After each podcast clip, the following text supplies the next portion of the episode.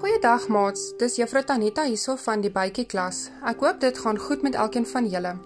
Ons lees vandag die storie Die lelike eentjie wat deur Butterfly uitgegee is.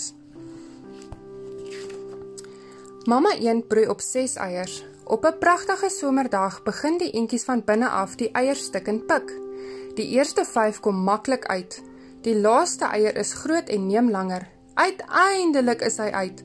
Hy is groot, groter as die ander eentjies. Hy is baie lelik. Ag nee, kyk hoe lelik is hierdie een, huil mamma eend. Die eerste dag gee sy vir hulle 'n swemles. Toe gaan spog sy met haar nuwe gesin by almal in die hok. Julle moet almal in 'n ry loop, sê mamma eend. En jy, sê sy vir die lelik eentjie, loop heel agter. Miskien sal niemand jou sien nie. Die spannetjie loop verby mevrou Hen. Sy begin sommer lag toe sy die lelike eentjie sien. Sy lag so hard dat almal haar hoor. Hy het sulke snaakse voete, giggel sy. Almal lag vir die lelike eentjie. Almal terg hom, selfs die dogtertjie wat vir hulle kos bring, skop hom uit haar pad uit. Die arme eentjie is baie hartseer. Hy loop sommer weg. 2 maande later ontmoet hy twee wilde ganse. "Jy is maar bra lelik, maar ons hou van jou," sê die een wilde gans. "Wil jy by ons bly?" Voordat die eentjie iets kon sê, knal twee weerskote en die wilde ganse vlieg weg. Die lelike eentjie kruip in die lang gras weg. 'n Groot hond kom op hom af. Die hond ryk aan hom, draai om en vat die pad. Ek moet regtig baie lelik wees, dink die lelike eentjie. Selfs 'n hond wil my nie eens eet nie. Die lelike eentjie stap maar aan. In die vallei sien hy 'n huisie. Hy ry kos en besef dat hy baie honger is. 'n ou vroutjie kom uit en sê: "Wat 'n vreemde voël. Kom ek gee vir jou 'n bietjie pap. Jy lyk honger." Vinnig vreet die eentjie die kos op. Die kat en die hen wat daar bly, hou nie van hom nie. "Weg is jy, jou lelike ding!" skree die kat.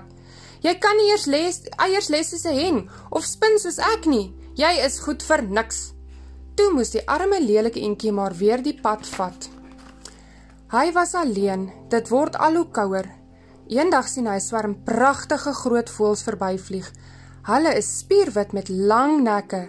Hy probeer probeer hulle roep, maar sy stem is skor. So skor dat hy self skrik.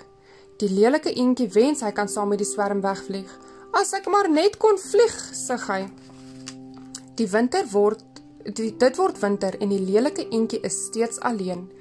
Eendag word hy amper gevang. 'n Boer gryp hom om sy nek, maar die lelike eentjie klap sy vlerke en kom los. Hy hardloop so vinnig as wat hy kan weg. Die lelike eentjie bly in 'n boomstomp. Uiteindelik breek die lente aan. Een sonnige oggend kom twee van die mooi wit voëls wat hy aan die begin van die winter gesien het, aangevlieg.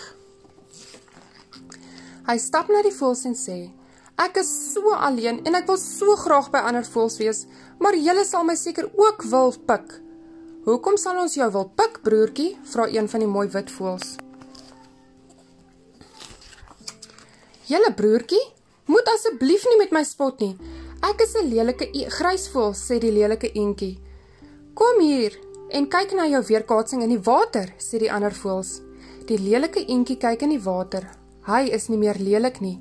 Hy het in 'n pragtige wit swaan verander. Sy nek was nou lank en effens gebo, net soos die ander swane se nekke. Die lelike eentjie is nou skoon de mekaar.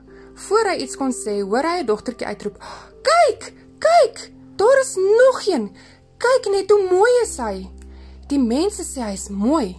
Hy voel baie skaam. Daarna ontmoet hy die res van die swane.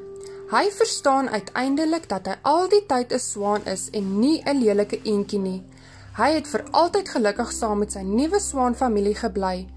Nie net was hy nou mooi nie, hy was ook baie gaaf en vriendelik.